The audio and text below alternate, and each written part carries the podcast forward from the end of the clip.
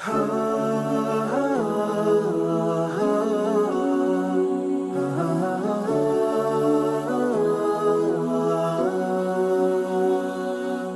alaikum och hjärtligt välkommen till Koranpodden. Jag heter Sally och detta är Koranpodden. Podcasten som hjälper dig förstå Allahs ord och där vi träffar spännande personer och samtalar med dem om att leva som muslim i Sverige. Du lyssnar på poddavsnitt 203 och idag ska du få lyssna på mitt samtal med den svenska historikern och universitetstjänstemannen Sanimir Resic, verksam vid Lunds universitet. Sanimir Resic har en gedigen akademisk bakgrund och utbildning. Han har skrivit böckerna om Balkans historia och om Jugoslaviens undergång. Båda böcker finns att köpa i bokaffärer eller att låna på biblioteket. Mitt möte och samtal med Sanimir var som att möta en gammal god vän, fastän vi aldrig träffats tidigare. Vi har mycket gemensamt. Rötter på Balkan, uppväxta i Malmö, gått på samma gymnasieskola och så vidare. Det blev ett mycket gott och familjärt samtal som jag hoppas du kommer finna givande.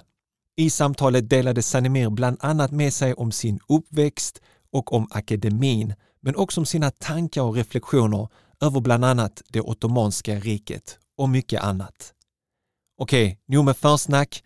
Nu ska du få lyssna på mitt samtal med historikern Sanemir Resic om akademin, hur historien påverkar våra liv och det ottomanska riket och mycket annat.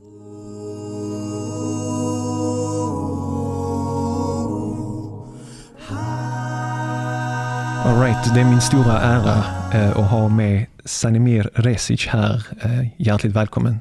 Tusen tack. Jag tänkte testa en sak och det är nästan läsa vad som står på Wikipedia. eh, för du har en gedigen akademisk bakgrund eh, och erfarenheter. Och så får du kommentera sen om det stämmer. ja, det, är ju skrivet, eh, det, när den här ena boken kom ut eh, så skrev, eh, jag tror det var från förlaget mm. som skrev in det. All right. Du är född 1964 eh, i Split i Kroatien och är en svensk historiker och universitetstjänsteman av kroatisk, italiensk och bosnisk börd med inriktning på Balkans historia. Ja, det, stämmer. Så lång, so far so good. All right. Har du några minnen från uh, Split i Kroatien? Jag var ju två och ett halvt år gammal när mina föräldrar, först kom min pappa och sen åtta månader sedan så kom min mamma och jag. Och, eh, det jag har det är en massa foton när jag var två, två och ett halvt år gammal. Så man, mm. till slut så tror man nästan att man kommer ihåg något för att man har sett foton eller någon har berättat. Men nej, nej. inte från två års ålder. Men, men tillräckligt många berättelser och tillräckligt många foton så börjar man nästan tro på det själv. Mm. Vill du berätta lite grann om, om eh, den här unika blandningen då eh, kroatisk, italiensk och bosnisk börd. Jag har förstått att din mamma har den här kroatisk-italienska bakgrunden eh, och din pappa med bosnisk bakgrund. Och då, oftast är den här etniciteten kopplad till en religion också, så mamma är förmodligen katolik och pappa bos, bosnisk muslim. Eh, vill du berätta lite grann om hur de möttes och eh, eh hur det varit att växa upp i en sån blandad familj?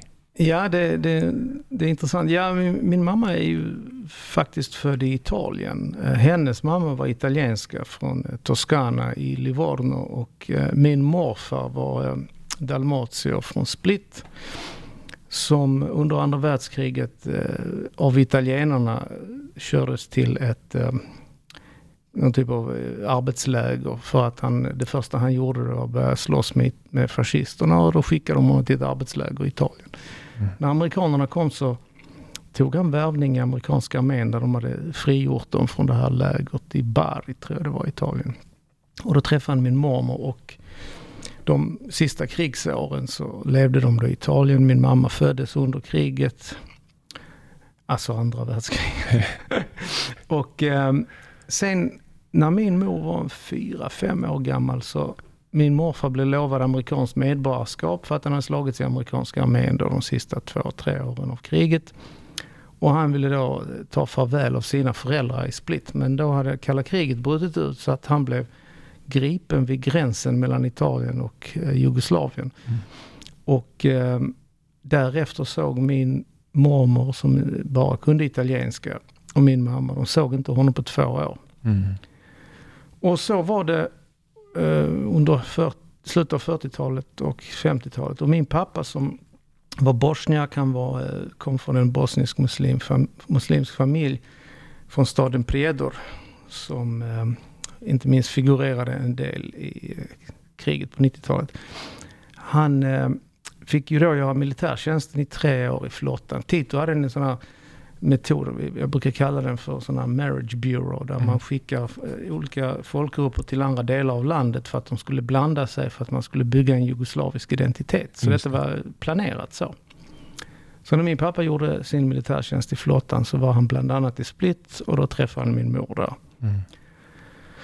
Och... Eh, på, om jag bara kan avbryta där, för att när du säger det är att blanda, så min pappa är ju född i Makedonien, han gjorde ju sin militärtjänst i Serbien. Ja. Det är där han lärde sig serbiska. Exakt. Så det var, det var system, speciellt man använde sig av nog militärtjänsten och flytta på folk. Ja, ja, oh ja det, det var precis, det, det var ju ett sätt att blanda folkgrupperna. Bosnien var ju dessutom, till exempel när kriget bröt ut 1992 i Bosnien så var 40 procent av äktenskapen blandäktenskap. Mm, det är hög. Ja det är det och de var ju de som faktiskt drabbades hårdast eh, sen under kriget. Men vilket fall som helst, mina föräldrar eh, jag kommer inte ihåg riktigt. Pappa han flyttade till Sverige och började jobba på Kockums och sen kom vi efter ett tag senare. Precis som min pappa också. Ja, så vi har rätt mycket gemensamt broder. Yeah. Men alltså på pappas sida så till exempel staden Predor grundlades av fem muslimska familjer i början på 1700-talet och eh, vår familj var en av de fem. Mm. Så att eh, det, det, just att var gång jag hör Predor så tänker jag på inte minst det här Osmanska riket som jag så ofta undervisar om. Hur eh, jag på min pappas sida till och med hade eh, en, en del som byggde upp ett helt samhälle där. Eh, och vi, just det här som du då nämner att min far var ju förvisso han var ju ganska sekulariserad men han var ju också kulturellt muslim. Mm. Vilket var ju också ett sätt att överleva i, i ett sånt land som Jugoslavien trots allt var. Och min mamma då som hade egentligen ganska dålig erfarenhet av Jugoslavien för att hon var född i Italien och pratade italienska med sin mamma och blev snabbt kallad för fascist. Okay. För eh, då var ju kommunisterna i ropet. Så att, eh, och en sak som de kom överens om ganska snabbt att de skulle inte fostra oss tre syskon eh, eh, till någon särskild tro. Utan det skulle vi få välja själva. Eh, så att på något vis, eh, jag menar jag, jag, kan, jag minns barndomen, eh, om till exempel åkte till Bosnien så upplevde jag, det, det, det var nästan som att flyttas tillbaka i tiden.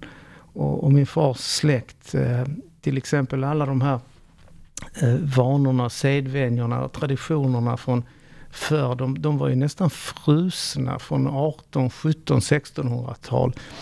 Alla de här orden från eh, exempelvis så jag har en, ett lexikon med 8500 ord i det bosniska språket som är turkiska, arabiska och persiska. Mm. Och eh, när jag hör dem så blir jag alltid så lycklig för att det flyttar mig tillbaka i tiden till min pappas familj. Och sen då, jag, jag känner ju väldigt starkt för Split där jag är född för att mm. eh, det är ju en sån här medelhavspärla som kanske först nu har börjat exploateras en del. Men mm. så jag, jag, fick ju så att säga tre kulturer på köpet. Eh, och jag har alltid upplevt det som en oerhörd styrka och en oerhörd fördel. Jag har Ehm, jag har på något sätt fått det med bröstmjölken att eh, alla människor är lika värda utan att det låter som en klyscha från någon mm. sån här jämställdhets eller någon liknande eh, sån här plan från, från myndigheterna. Utan så var det. Mm. Um, och um, jag, jag, det, inte förrän det här kriget bröt ut i forna Jugoslavien så, så, blev också det här satt på, på, sin spets. Vem är vad och vad betyder detta? Och helt plötsligt så började jag förstå en del också. Exempelvis att på min pappas sida att det fanns ju mycket i deras kultur som alltså så, så nära förbjudet det kunde vara utan att, att, att man protesterade särskilt mycket, även om det fanns de som gjorde. Och det var egentligen inga stora saker, men det är sådana här vardagliga saker som ständigt talar om för dig. Mm. Exempelvis eh, en sån sak när min, pa, min pappa gjorde militärtjänsten. Att ena dagen kunde de eh, servera fläskkött va? och eh, min pappa kunde gå hungrig hela dagen för att han inte åt fläskkött. Mm.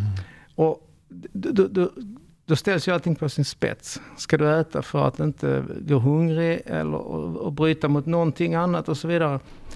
Så det där är ändå någonting som också har följt mig senare när jag insett en del.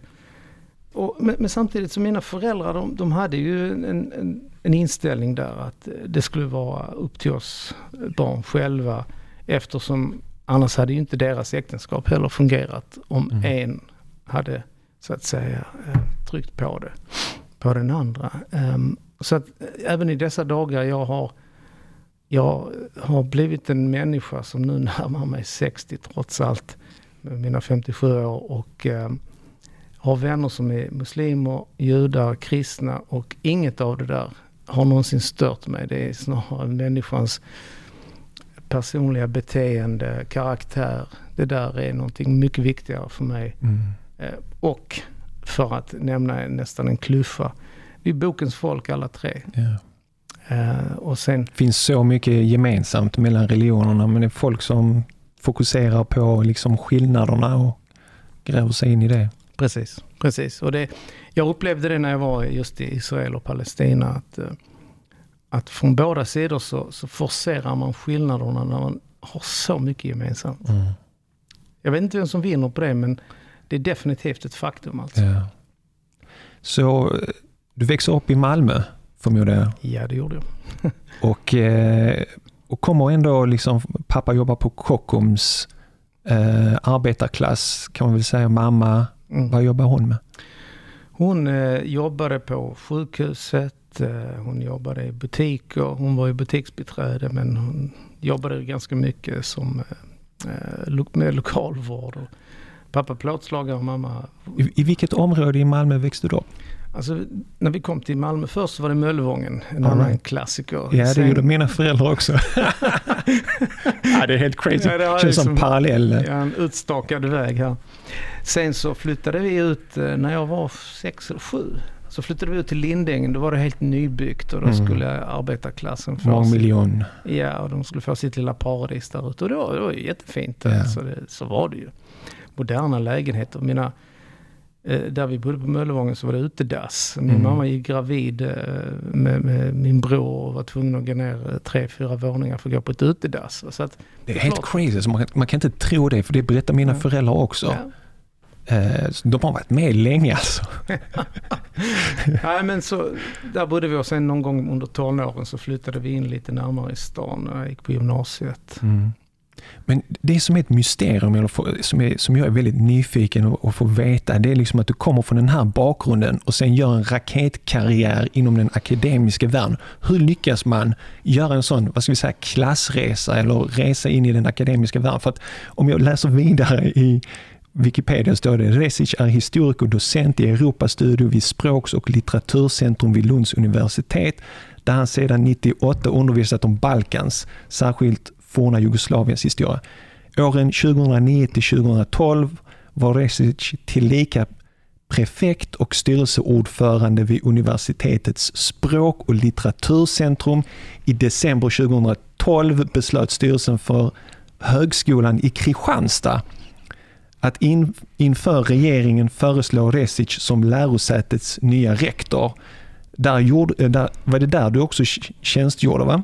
ja. eh, som rektor för högskolan 2013 till 2015 och sen återvände du därefter till Lunds universitet där han var prodekan. Prodekan, ja. För vad är det för någonting? Det är ju så att säga en, ungefär en ställföreträdare till dekanen. Okej. Okay. eh, för humanistiska och teologiska fakulteterna 2015-2018. 2021 eller 2021 blev Resic vald till dekan för den konstnärliga fakulteten vid Lunds universitet. Och sen har du doktorerat med fantastiska doktorsavhandlingar som man är så jättenyfiken på att läsa mer om. American Warriors in Vietnam. alltså det är den här bilden som skapades om den amerikanska, om jag förstått den, konstru konstruktionen av den amerikanska krigaren i Vietnam. Ja, det, egentligen så, så kraschade ju den bilden för att man hade ju det här bilden från andra världskriget, det som kallas för John Wayne-fenomenet. Mm. Eh, och eh, den, den kraschade ju i Vietnam för att, av många olika skäl. Och eh, amerikanska unga män skickades till ett fullständigt meningslöst krig. Ja. Och kom hem desillusionerade och bespottade. Eh, och eh, USA tappade ju väldigt mycket av sin goodwill i världen under mm. det kriget. så att jag försökte säga, vad, vad, är det de... Men samtidigt så, en sak som många inte känner till att Väldigt många åkte faktiskt frivilligt dit. Mm. Det är mm. först 1900, efter 69 som majoriteten av de amerikanska soldaterna är eh, ditskickade eh, ofrivilligt, alltså som värnpliktiga. Yeah. Fram till 69 så var de flesta frivilliga. Och eh, det fanns någon idé om att de skulle uppleva det som deras fäder hade gjort i, i, på Normandie eller vad det nu de fantiserade om. Så att det, det fanns ett... Och, och den här eh, eh, drömmen om att eh, få lov att bli hjältar. För i USA är ju hjältedyrkan ganska stark. Ja, ja. Rambo oh, ja. och alla Hollywoodfilmer man har sett och sånt. Så att det, det var en generation som verkligen snubblade över det här eh, fenomenet. Ja. Så, och det, intresserade mig för att eh, det är också en sida av manlighet som jag har intresserat mig för. Jag, jag spelade rugby i 20 år. Mm. Och då fick man också det där med sig ganska mycket om eh, eh vad ska man säga, vad, vad är vad är manlighet? Eh, särskilt i tider som den här som vi lever i så finns det ju ganska mycket man kan säga om detta. Eh, men det intresserade mig då, men sen så tog det inte lång tid för jag insåg att eh, när jag hade doktorerat, att det inte gick att det gick inte att försörja sig i Sverige som specialist på USA. Mm. Just då gick det inte. Så att då ändrade jag kurs och då påg, dessutom så hade vi ju haft eh, de här krigen i forna Jugoslavien och jag, jag ändrade inriktning till att titta på där jag hade rötter istället. Mm. För ett tag så var det nästan en det var en sån här prestigesak för mig att jag skulle inte röra i den sörjan därför att där hade jag rötter folk skulle kunna ha en massa idéer om ja, mig. Precis. Mm. Att du är partisk. Ja, men, men till slut gick det inte att komma undan. Mm. Utan ibland är det ju bara ett öde. Och ibland så hinner ödet ikapp en och eh, jag bestämde mig någon gång där i slutet på 90-talet, att, eh, eller rätt sagt precis efter 90-talet, att okej, okay, det är det här mm. som gäller nu. Samtidigt har du ju språket och alltså en helt annan ingång till Balkan som många kanske saknar. Ja, det, som... så är det ju. Språk är ju nyckeln till mycket. Mm. Ju fler språk man kan desto bättre. Och jag lider för många språk som jag önskar jag kunde eftersom som historiker så vet jag också att eh, jag är ju jag är ju handikappad när det gäller visst källmaterial för att jag inte kan läsa vissa språk. Mm. Därför så är språken, det är verkligen en nyckel till människans eh, källmaterial. Mm. Men det är ju helt riktigt. Eh, och det, det, är lättare att, menar, du kan läsa källmaterial, du kan läsa dagstidningar, se på nyheter från de här olika efterföljarstaterna nu. Så har du ju också en, en fördel. Du kan du kan se det finstilta, du, du förstår när de skämtar, när de är ironiska. Mm. Det är väldigt svårt att göra annars om du bara läser det eller en, en, en andra och tredje person berättar det för dig. Så det är klart, det är jätteviktigt. Um, och sen, pass, sen har du skrivit två böcker. Eh, en om Jugoslaviens undergång eh, och en om, eh, vad heter den, eh, Balkan, en historia om Balkan som förlaget sen bytte titel på till Balkans historia. All right. eh, så hjälp mig här att förstå liksom, hur du lyckades med detta. Egentligen ska jag säga det att båda de här två böckerna som har att göra med Balkan eh, och, och i förlängningen eh, forna Jugoslavien och dess historia och uppbrott, undergång och även i den sista boken här om, om efterföljarstaternas eh, samhällsuppbyggnad har att göra att när du undervisar om något så på universitetet så är ju tanken att du också ska forska om det. Och någonstans där så finns det ett samspel mellan undervisning och forskning. Så att det blev själv på något sätt naturligt att om jag nu undervisar om det här eh, så, så måste jag också så att säga både forska om det och skriva om det. Så det, det där är egentligen så, det är inte så stort gap egentligen. Eh, jag kan tacka mina studenter de senaste 22 åren för ganska mycket. För mm. Eh, studenter ställer ju frågor som också talar om för läraren om vad de faktiskt finner som svårt eller obegripligt. Eller vad behöver vi prata mer om? Vad behöver vi beforska mer? Så den dialogen som läraren har med studenterna är oerhört viktig mm. eh, när det gäller ämnen som humaniora och samhällsvetenskap. Att veta, till exempel när du får en 20-åring och du, du, du känner i, i ryggmärgen att du inte förstår deras värld. Så är det faktiskt jäkligt bra att kunna läsa av tidsanda på de unga och de berättar bara genom att prata till dig vad de anser vara viktigt och du inser kanske att någonting som jag tyckte var viktigt för 30 år sedan är passé. Mm. Um, så att den typen av mekanism finns ju också bakom en bok. Uh, nu gäller det inte bara studenterna, det gäller ju samhället i stort eftersom uh, de senaste 20 åren så har ju, senast den här veckan var upp, uh, ganska eftertraktade i, i mediala sammanhang. Så fort det händer någonting där nere så mm. har de en tendens att ringa mig. Kan du vara med om det är radio, tv eller tidningar eller vad det nu är. Mm. Um, webbsidor och så vidare. Um, och det är klart att då, då, då ser man också till att vara uppdaterad i det där. Så det, det ena ger det andra. Uh, och de här två böckerna är jag väldigt stolt över för att på något vis så är det också eh, någon typ av bokslut för eh, familjens liv. Mm. Alltså, det, det, finns ju ett inslag där att försöka förstå sig själv. Det, jag kan det, tänka mig det. Så är det. Eh, den första av de här två, Jugoslavien och Balkanböckerna, eh, var också ett sätt att eh, göra min far stolt. Mm han var redan stolt, även om han aldrig sa det. Han tillhörde en generation som inte slängde ur sig ja, sådana ord. Jag känner till den generationen men... Nej, de, de sa inte det. Utan, Pappa, titta vad jag har gjort. Men, okay. Eller hur? Så, den boken var ju också en sån här, titta nu vill jag göra min pappa stolt. Även om jag var vuxen och fam hade familj och allt det där så skulle jag fortfarande göra pappa stolt. Men det som kanske var, eh, ramar in hela det här fenomenet är ändå att förstå bättre. Eh, och det är just när, när jag skrev den här, eh, en historia om Balkan, eller Balkans historia, som de sen döpte om det på förlaget, eh, när den kom i pocketupplaga. Alltså. Mm. Eh, då, då, insåg jag också ehm, att jag, jag kände egentligen inte till så mycket om framförallt min pappas sida. Och här är något intressant. Min mamma var då född i Italien. Och Italien tillhör ju ett av, såna, ett av världens stora kulturländer. Mm. Nästan allt som kommer från Italien vill alla köpa, äta, bära, du vet, köra bilarna och mm. allt det där. Så det där är, är, det kom ju så att säga bara genom att, att leva i Europa så var allting italienskt eh, bra, tufft, vackert. Mm. Men sen är på pappas sida så allting som hade att göra med eh, det Osmanska imperiet till exempel. Eh, fram till den punkten så var det oftast beskrivet på ett nedlåtande sätt. Folk trodde till och med att osman och turk är, är synonymt. Mm. Det fanns en fruktansvärt eh, hemsk bild av eh, turkar till exempel. Och till och med när jag hade varit student så fanns den bilden med i kurslitteraturen. Mm. Och då tänkte jag för mig själv, nu räcker det. Och sen den, det, det här är alltså gott och väl 15 år där jag nästan vigt mitt liv att nyansera, förändra bilden.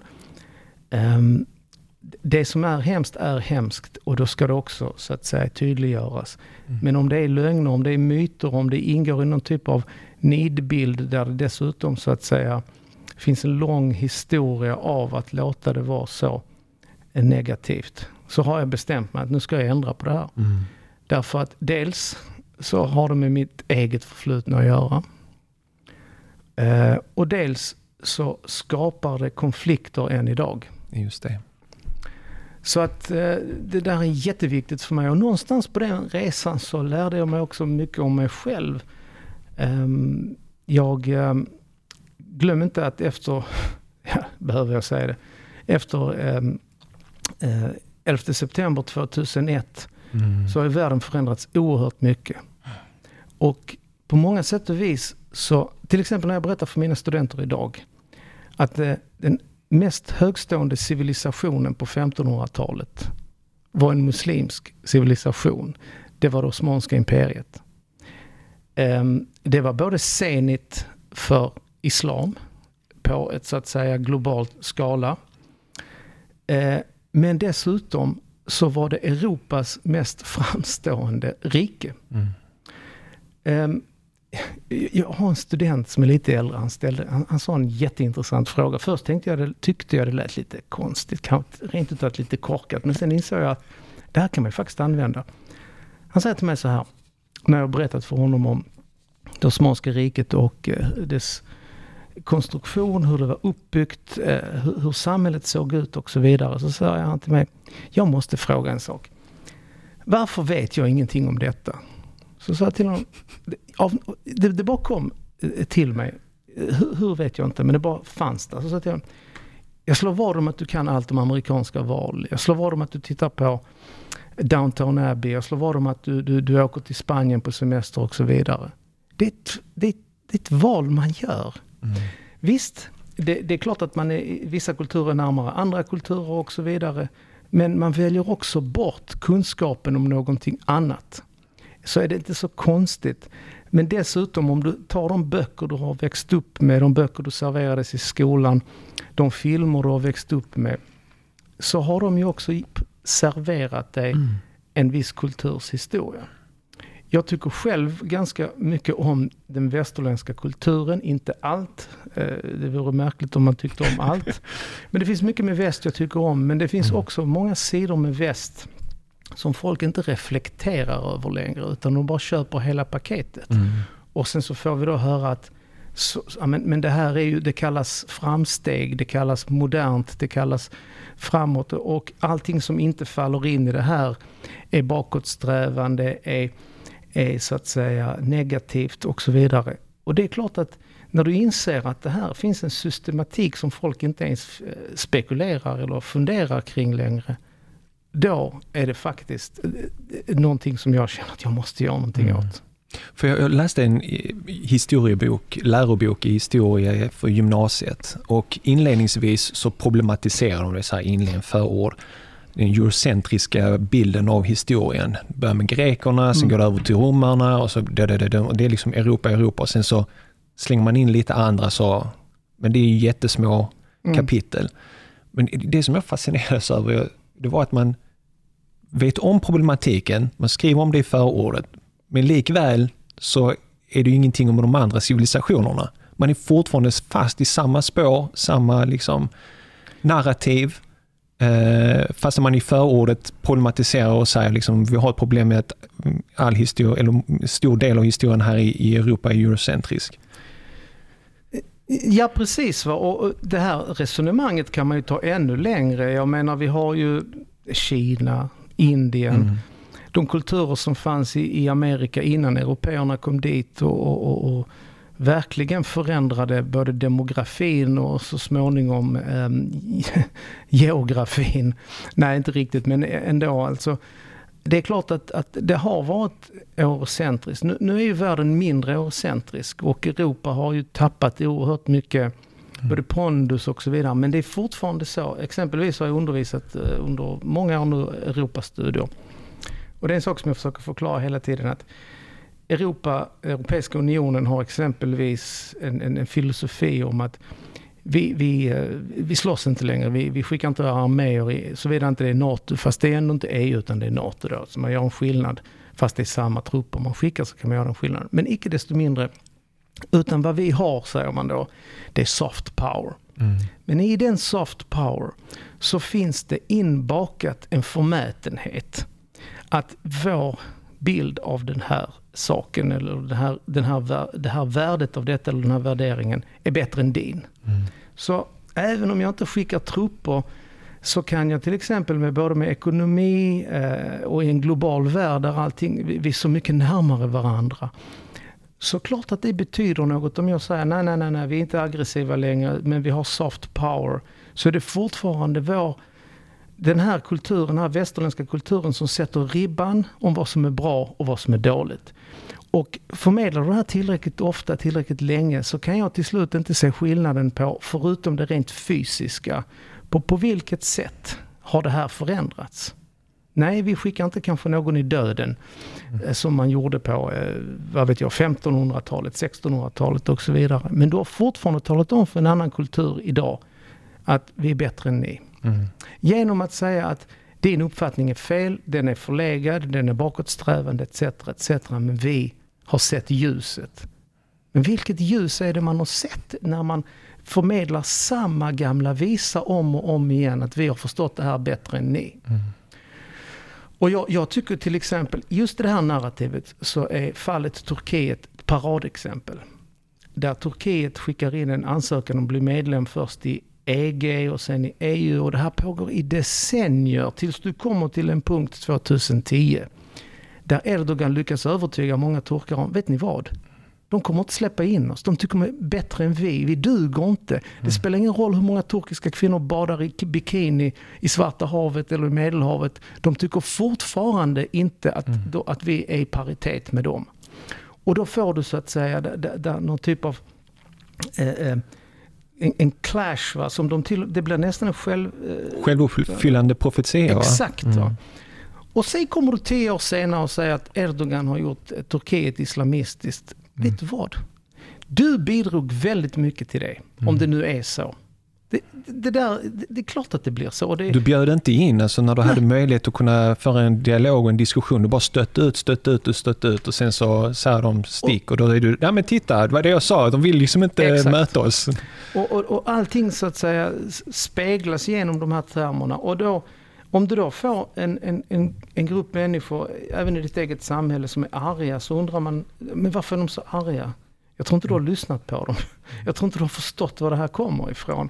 Um, och det, det, finns många sådana scenarier runt om i världen som faktiskt, det, det är inte rocket science. Mm. Uh, men man måste kunna ställa sig utanför och bara skärskåda detta. Även ta sina egna, vad de brukar säga, kill your babies. Mm. Att, att, att, så att säga krossa ens egna eh, tankar om någonting som han har fått med sig sen barnsben. Att det här är självklart så eller det här är självklart bättre. Och istället försöka respektera. Mm. Respektera skillnader, respektera andras tankar. Att inte uppenbarligen utgå ifrån att um, när jag till exempel pratar om 1500-talet att det fanns eh, hundratusentals människor som frivilligt konverterade till islam på Balkan. Varför gjorde de det? De såg en högre civilisation. Mm. Det fanns fördelar, absolut. Ja. Eh, men vi ser inte ett, ett Kongo under belgarna, vi ser inte ett Latinamerika under spanjorer och portugiser, vi ser inte ett Nordamerika under engelsmän och fransmän. Och. Det är inte alls det scenariot. Mm. Att då i historieskrivningen i gott och väl 200 år beskriva de här som barbarerna. Kom igen. Mm, mm. Det är inte rätt.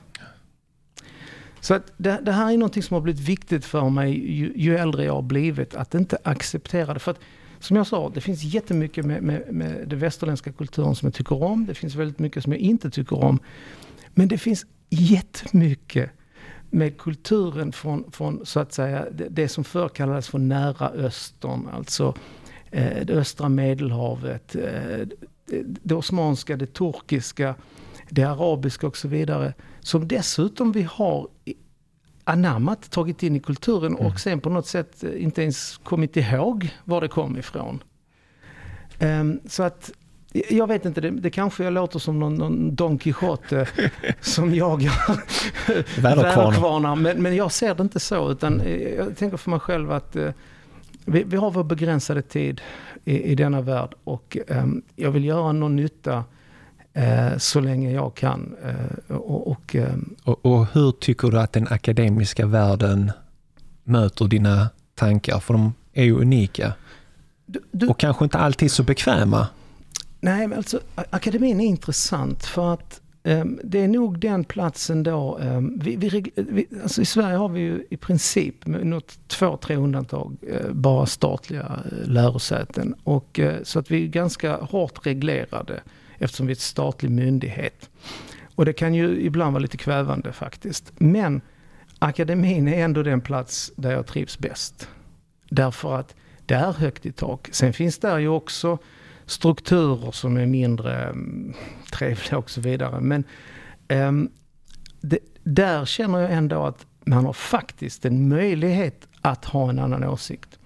För, för några veckor sedan så hade vi, eh, rektor har något som heter Kulturrådet och då sitter det människor både från universitetet och från Kultursverige eh, i det här rådet. Och eh, man möts inte särskilt ofta men man bryter sina så att säga, åsikter. När jag beskrev eh, rektor, vi, vi, har en väldigt klok rektor, Erik Renström för tillfället. Och han, han ville höra hur vi tolkar begreppet genombrott. Därför att det var, vi hade en vecka i Lund och det har vi varje år. Mm. Som heter Framtidsveckan. Och det var årets tema genombrott. Och så ville han höra, vi som satt i Kulturrådet, vad betyder det för oss? Vad har det betytt det senaste året?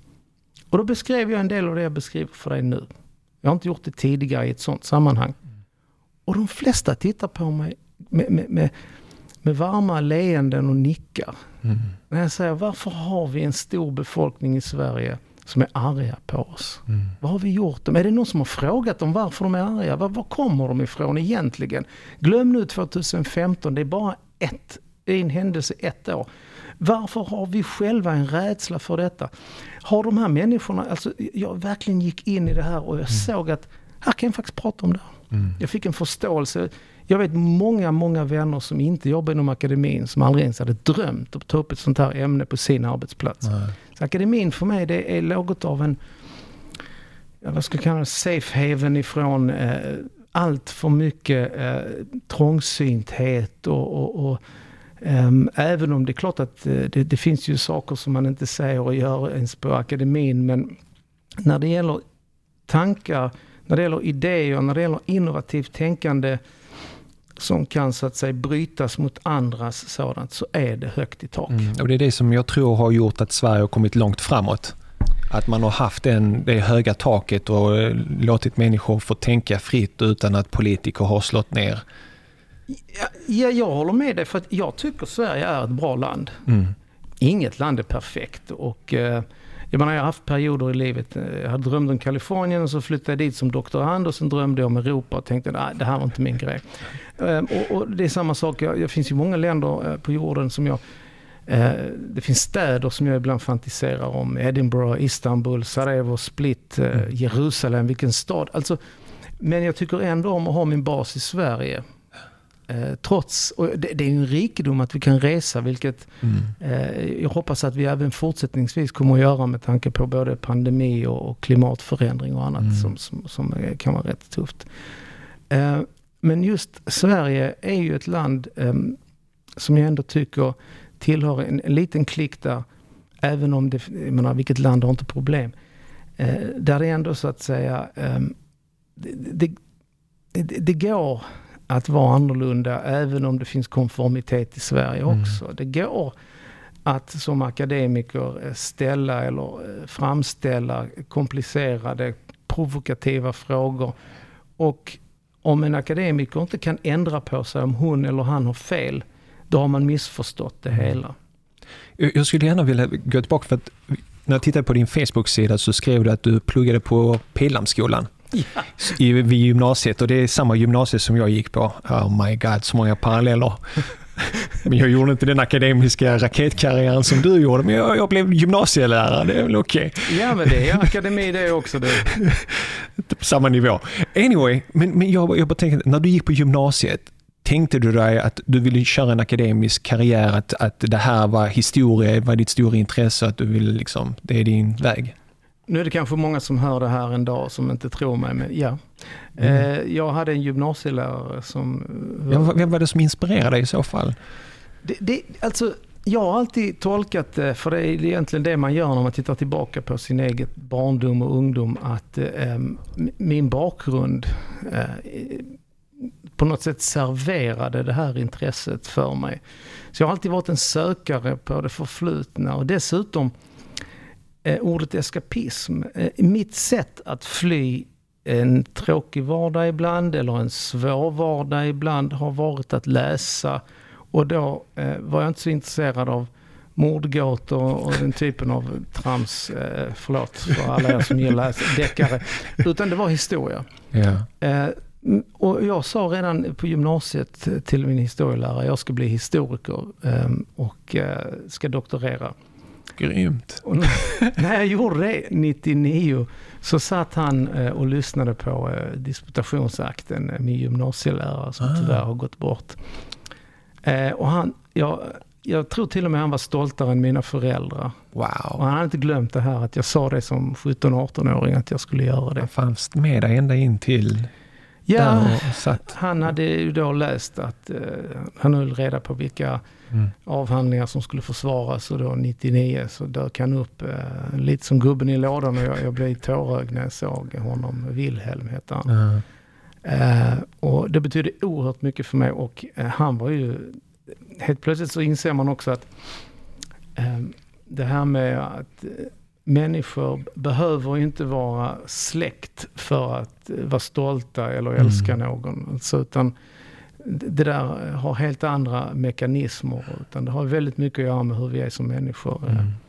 Men, men det, det där eh, bestämde jag mig för på gymnasiet, att jag ska bli historiker. Jag visste inte vad det betydde och när jag kom till, när jag kom till Lund 83 som 19-åring så eh, kan jag väl erkänna att jag eh, trodde nog att jag hade tagit mig vatten över huvudet, att det här kommer inte gå. Mm. Och sen är det också så. Det, Det är nu- ju tuff konkurrens alltså, jag tänker jag så. så är det. Eh, absolut. Och eh, vad man egentligen ska göra, jag, jag kan... Till, till alla unga människor så kan jag ge dem ett råd. Eh, och det är att eh, lär er ett udda språk. Ett språk som väldigt få i Sverige behärskar.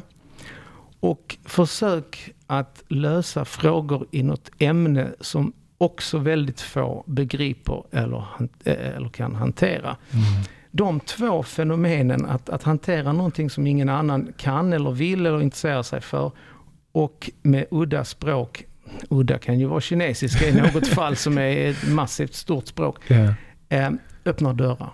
Mm. Det, det, är, eh, det är bara dumt att inte utnyttja, det är därför jag säger att ju fler språk man kan desto bättre.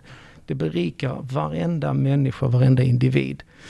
Eh, Och det är där jag tror många med muslimsk bakgrund, ungdomar som kommer från olika delar av världen som har språket, har en, har en fördel som man kan bygga vidare på. Se det som en styrka. Ja, och det gör mig ont att se hur detta, jag vet inte vad jag ska använda för, för eh, verb här, men eh, inte spelas bort, men slumpas bort, kastas bort, utnyttjas inte, används inte och samhället lyckas heller inte ta vara på det. Mm. Därför till slut så blir det bara någon offerhistoria där, där det är liksom att ja, man behöver mer SFI, man behöver mer av detta.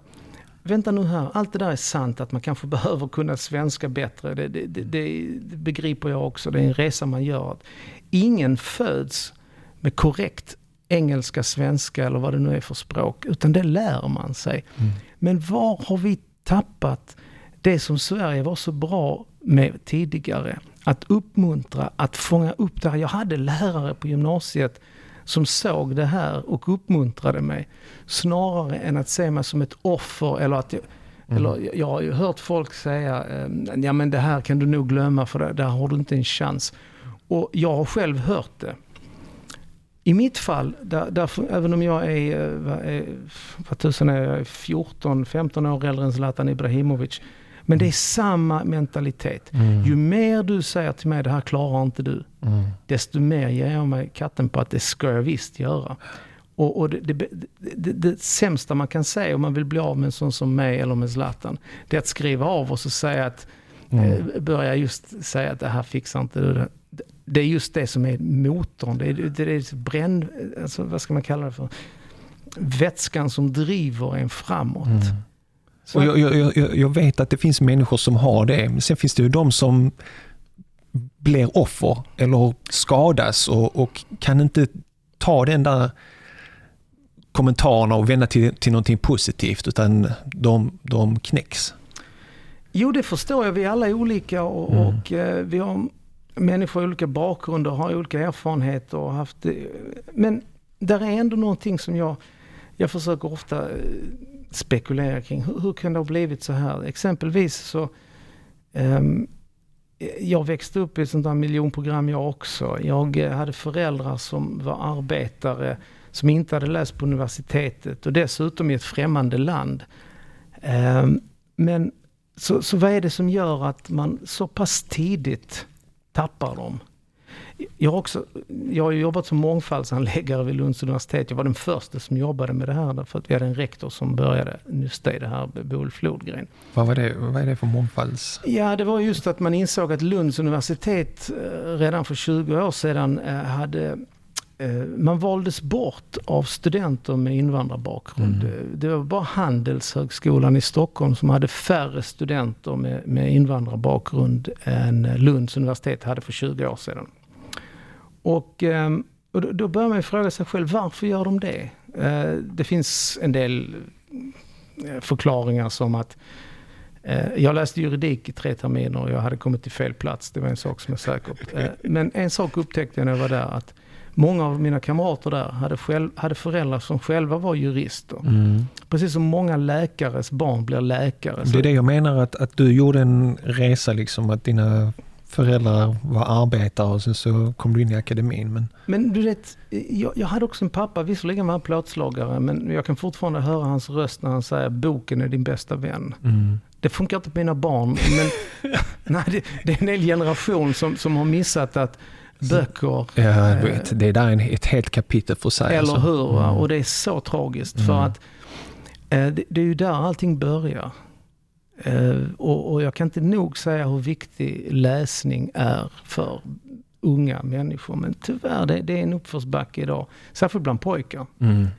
Ehm, Det är därför vi vill ha in författare till podden och intervjua bland annat dig och andra. Liksom för att liksom, eh, och, och vi kör också bokrecensioner så vi läser böcker och recenserar på podden. för att Jag har haft några sådana poddserier där det har handlat om en bok, en biografi. Mm. Och sen så har folk lyssnat och blivit så inspirerade av storyn så de har liksom gått och köpt eh, boken och läst den sen på egen hand. Så det, det, det finns liksom olika sätt så kan vi på podden här öka läslusten så, så är vi jätteglada för det. Eller hur? Det, det är verkligen en samhällstjänst att få fler till att läsa och intressera sig. Och, och, och till exempel så, det finns ju två böcker som, alltså Harry Potter, eh, det intresserar inte mig, men det ökade läsningen. Mm. Eh, Zlatan Ibrahimovics bok, som visserligen inte han skrev utan har Och Lagercrantz. kids ute på Rosengård som Ja. satt och läste den. Liksom. Eller hur? Ja. Det, det är så viktigt ändå. Och Mm. Jag glömmer aldrig med en bibliotekarie vid Lunds universitet som berättade för mig när den här eh, första Balkanboken eh, släpptes.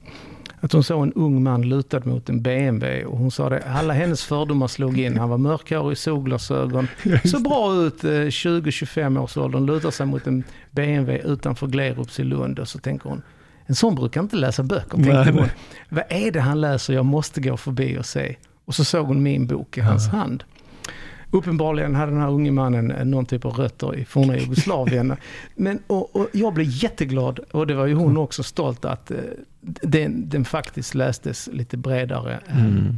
Men, men som sagt, om jag, skulle, om, jag bara, om jag kunde beskriva känslan när man får ut en bok.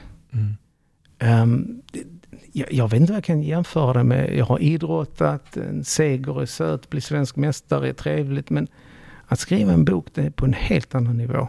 Helt annan nivå. Och jag, jag vet ju att en dag tar vår tid slut här och vi går till nästa värld. Men en Mm. sak vet jag också att det där är någonting som jag gärna lä- lämnar efter mig. Mm. Fantastiskt, Faktiskt. För att absolut. Ingenting kan du ta med dig och det är inte nödvändigt heller. Men till mina barn och deras barn så kan de alltid säga att jag hade, det här var min farfar eller morfar som skrev de här Mm. böckerna. Och det som är det fantastiska när man läser en bok är ju att man är på en resa med författaren. Du är ju där med den här Mm. författaren. Så jag läste någon sån gammal romersk filosof som pratar liksom, varför, varför ska du hänga med liksom löst folk när du kan vara med giganterna av världshistorien. Liksom, så Ja. att, eh, Ja. eh, Nej, det, det där är... hur, hur, hur har feedbacken varit då när du har släppt de här två böckerna? Har folk hört av sig till dig? Eller? Jättegod. Alltså, eh, den första boken var nästan... eh, Eh, jag rodnade ganska ofta när jag läste recensioner. Mm. Det fanns sådana ord som till exempel att den här Resik har lyckats förklara någonting som ingen förstår. Jag minns så väl att det var någon som skrev att är det möjligt att skriva en bok om Balkan light när de flesta inte ens förstår Balkan eh, omfattande. Så, så de recensionerna var så glädjande. Eh, och eh, det var i och för sig senare också, men det var närmare de här krigen på 90-talet så att det blev lite svårare. Men, men sen så har jag ju att um, från att sitta i Godmorgon Sverige och, och, diskutera till exempel att nu, nu ska vet det, Montenegros, mm. de har, folk har röstat om självständighet och sen så kallas man in och kan du komma upp till Stockholm? Uh, det är klart att det där är ju ett massivt kvitto eh, på när, när det landet du lever i använder dig som någon typ av röst mm. om en, en sådan sak. Um, det gör mig personligen både rörd och stolt att det är med de vänner. Jag var i, i, i, finsk, i, i Finland, Yle, svenska Yle, i, så sent som i måndags. Uh, och uh, så tänkte jag, tänk att det sitter någon i Helsingfors och sen är det nya trubbel i, Bo i Bosnien. Och sen ringer de mig nere i Lund i ett annat land trots allt. Då blir man ju, eh, det är väldigt svårt att då säga jag har inte tid, utan då tar man sig tid för att det är så hedrande. Alltså det påminner mig lite grann, för jag har intervjuat Jan Järpe, ja. gamle islamologen. Ja, eh, och han berättar liksom också om de här samtalen som han ständigt fick. Så fort det hände någonting i den ja. arabiska världen, i den muslimska världen, så ringde de honom hela tiden. Så att, eh, det, det ja, han, han, jobbar ju till och med med Olof Palme, ja. Jan Järpe. Verkligen. Fantastisk människa. Ja, verkligen. Nej, så att, eh, ja, det, jag, jag, kan... Jag har alltid varit, eh, vad ska man säga, försiktig med skryt. Jag tycker inte om skrytsamma människor. Jag vill, jag vill inte uppleva så heller. Men det är klart att vissa saker är, är jag ju stolt över. Jag kan inte komma mm. undan. Men jag skulle aldrig aldrig någonsin skryta. Jag är inte typen. Ehm, jag tror med jag kan erkänna att jag ibland ljuger om vad jag gör för att slippa diskussioner. Mm. Eller, eller eh, någon som alltifrån vill veta mer för att jag orkar inte för att jag jobbar med det hela tiden. Till att någon vill provocera en mm. för att eh, de inte instämmer i någonting och så vidare. Så du har skrivit två böcker nu, en om Jugoslaviens historia och en om Balkans historia. Kommer det någon tredje? Ja, det gör det. Right. Um, ja, det gör det. Uh, nu, nu har jag ju så mycket att göra med att jag är dekan för konstnärliga fakulteten vid Lunds universitet. Uh, och sen undervisar jag faktiskt kvällstid för att hinna med det. Och det är utöver tjänsten som, eller uppdraget som dekan. Vad, vad är uppdraget som dekan? Vad, vad in, alltså, i det? Man väljs ju. Eh, det är ju inget jobb. Mm. Rektor, dekan, prefekt. Alltså rektor är ju chef för universitetet, dekan är chef för en fakultet och en prefekt är chef för en institution. Mm. Så det, det, är liksom en hierarki där. Men det är inga jobb eh, man söker och sen har tills man går i pension. Utan det är uppdrag som, det är kollegialt val. Alltså dina kollegor väljer var tredje år. Så att eh, man har de här eh, uppdragen som då alltså är jobb men ändå inte jobb för att i botten så är du lärare och forskare. Mm. Och var gång de här eh, uppdragen är klara, då kanske tre år eller sex år, så går du tillbaka eh, till det du egentligen håller på med, alltså mm. undervisa och, och forska.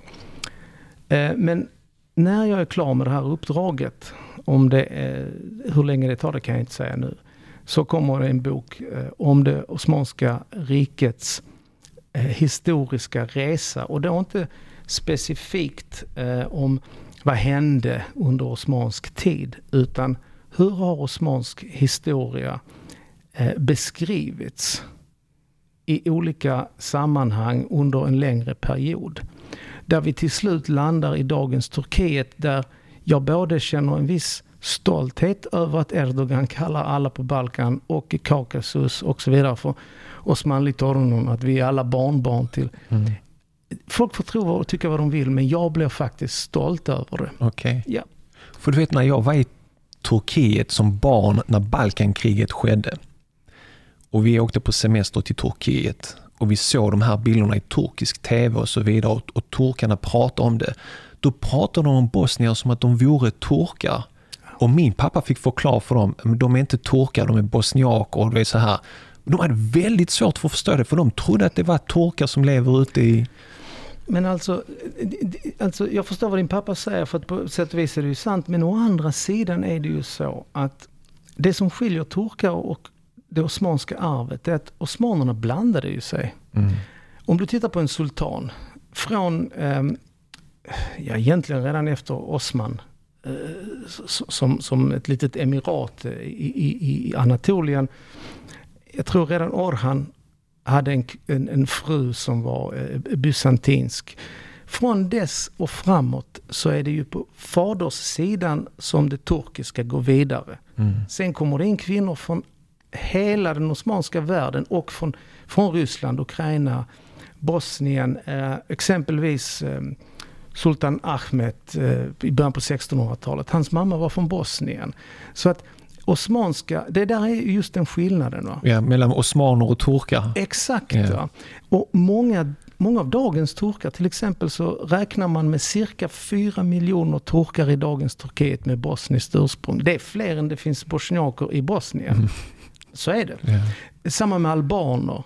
Det finns fler al albanska ättlingar i Turkiet än det finns albaner exempelvis i Albanien och Kosovo. Det här är så utblandat och så är det ju egentligen hela Balkan mm. och hela Turkiet. Att um, till exempel om du ser turkmener och du, om du, du, reser lite närmare in i Centralasien och du närmar de här igurerna till mm. Det är någon typ av ursprungsturkar. Ja, det är turkmener. Mm. Men det som i dagens Turkiet är så utblandat. Ja, ja, att man känner med sina bröder och systrar som, som mm. far illa. Jag mm. tycker det är vackert. Mm. Och det är också det som på något vis gör att eh, även om jag kan kritisera en del av Erdogans eh, tankar så tycker jag ändå att och, och det faktum är att det inte är Erdogans idé utan det kommer just från Fethullah Gulen. Yeah alltså barnbarn, vi är alla barnbarn till, till osmanerna. Mm. Och jag, jag, jag, ska erkänna att, eh, inte för att jag gör någon ideologi av det, men som privatperson, om jag ställer mig utanför historikern, jag ställer mig utanför mitt jobb som, som eh, eller rättare sagt mitt uppdrag som dekan, nu jag gör samma misstag själv. Så känner jag ändå att här, det här betyder någonting för mig. Jag tänkte precis komma till det, för att precis som de två tidigare böckerna handlar om ditt sökande om dig själv, ja. så handlar den tredje boken också ett inre sökande och försöka finna din egen identitet eller kanske plats. Ja, och, och jag tycker Turkiet har, exempelvis så kommer ju boken mynna ut i att jag faktiskt tycker att Turkiet har blivit illa behandlat. Mm. Och det är inte, jag menar, nej jag är inte turk, men på min pappas sida så är vi osma, kommer vi från osmaner mm. och vi har ett gemensamt det är på samma vis och det här kan man faktiskt ta ännu längre. Till exempel alla som lever i Bosnien. Om du gjorde ett DNA-test och det gäller faktiskt hela Balkan så skulle folk komma fram till jösses, om hur, hur många led får vi gå tillbaka för att inse att vi faktiskt är släkt? Ja, precis. Alltså den här, den här eh, eh, biologismen, den här, den här rasistiska tanken om blod eh, och allt det där, det är trams. Mm. Det är rent trams. Om du tittar på eh, om du åker till Australien och tittar på aboriginerna, de var isolerade i 40 000 år. De blandade sig inte i 40 000 år. Det kan du inte säga om Europa. Nej, nej det är ju stor mix. Exakt. Som min pappa gjorde DNA-tester, du vet. Ja, ja, det, är Balk, alltså det pekade på Balkan, det var inte mycket som pekade åt, uh, åt Asien-hållet, hänger du med? Utan Exakt. Det är en blandning, kanske albaner eller ja, whatever. Så, liksom den folkgrupp som pratar, eh, det spelar ingen roll vilken folkgrupp som pratar om etnisk rensning. Eh, är, är, eh, om vi ska prata om bakåtsträvande dumheter så är det där. Mm. Och det är också ett sånt där 1800-talsfenomen som sen i början på 1900-talet verkligen sprids. Eh, och, och, och, rasismen är Om man börjar mäta skallar och sånt. Ja, ja. Alltså, det är fullständigt ologiskt. Mm. Och där, där, har ju, jag menar, visst, där spelade ju akademierna i, i vissa länder också en väldigt viktig roll. Mm. Inklusive Sverige och, och, många andra europeiska länder. Eh, och det var ju ren och skär mänsklig dumhet som gjorde att vi landade där. Mm. Men som sagt, eh, det, det den tredje, i just den serien eh, av de här böckerna så kommer tredje boken att, att, att eh, hantera just eh, det här osmanska, bilden av dem, bruket, missbruket, eh, en nyansering av någonting. Spännande, för jag tror inte jag har stött på någon annan bok som berör ämnet på det sättet. Nej, det har inte jag heller. Mm. Och därför så känner jag att någon måste göra detta. Så har jag känt tidigare också. har du varit i kontakt med Ingmar Carlsson? Ja, det har jag. Det har jag. Vi, till och med, jag, jag träffade honom första gången var nu i Istanbul. Han var fortfarande generalkonsul när vi var där på en konferens. Right. Eh, och eh, då var jag också förälskad mig i Istanbul. Mm. Hur kan man inte göra det? Det, ja, det är en fantastisk stad. Det är, alla blir förälskade när de kommer dit. Alltså. Så, är det. Mm. Men eh, Ingmar Carlsson är intressant och dessutom så delar vi förlag. Jag har givit ut ett par böcker där. Han har gett ut också ett antal böcker där. Okay. Så att, eh, han, är, ju... han är också en sån Turkiet-kännare och ja. expert och han har ju också pushat mycket för det att Europa borde ha släppt in Turkiet i den Europeiska ja. unionen. Man hade tjänat på det utbytet. Ja. Uh, vi har läst en av hans böcker, då, Arvet efter Bagdad, tror jag den heter, som handlar om den islamiska civilisationen och så vidare. Fantastiskt ja. intressant bok. Precis. Det är, och det, det är klart att uh, det, på tal om islam så, så, är det också intressant att när man pratar om islam så har, finns det en tendens att klumpa ihop det som en, en monolit. Mm.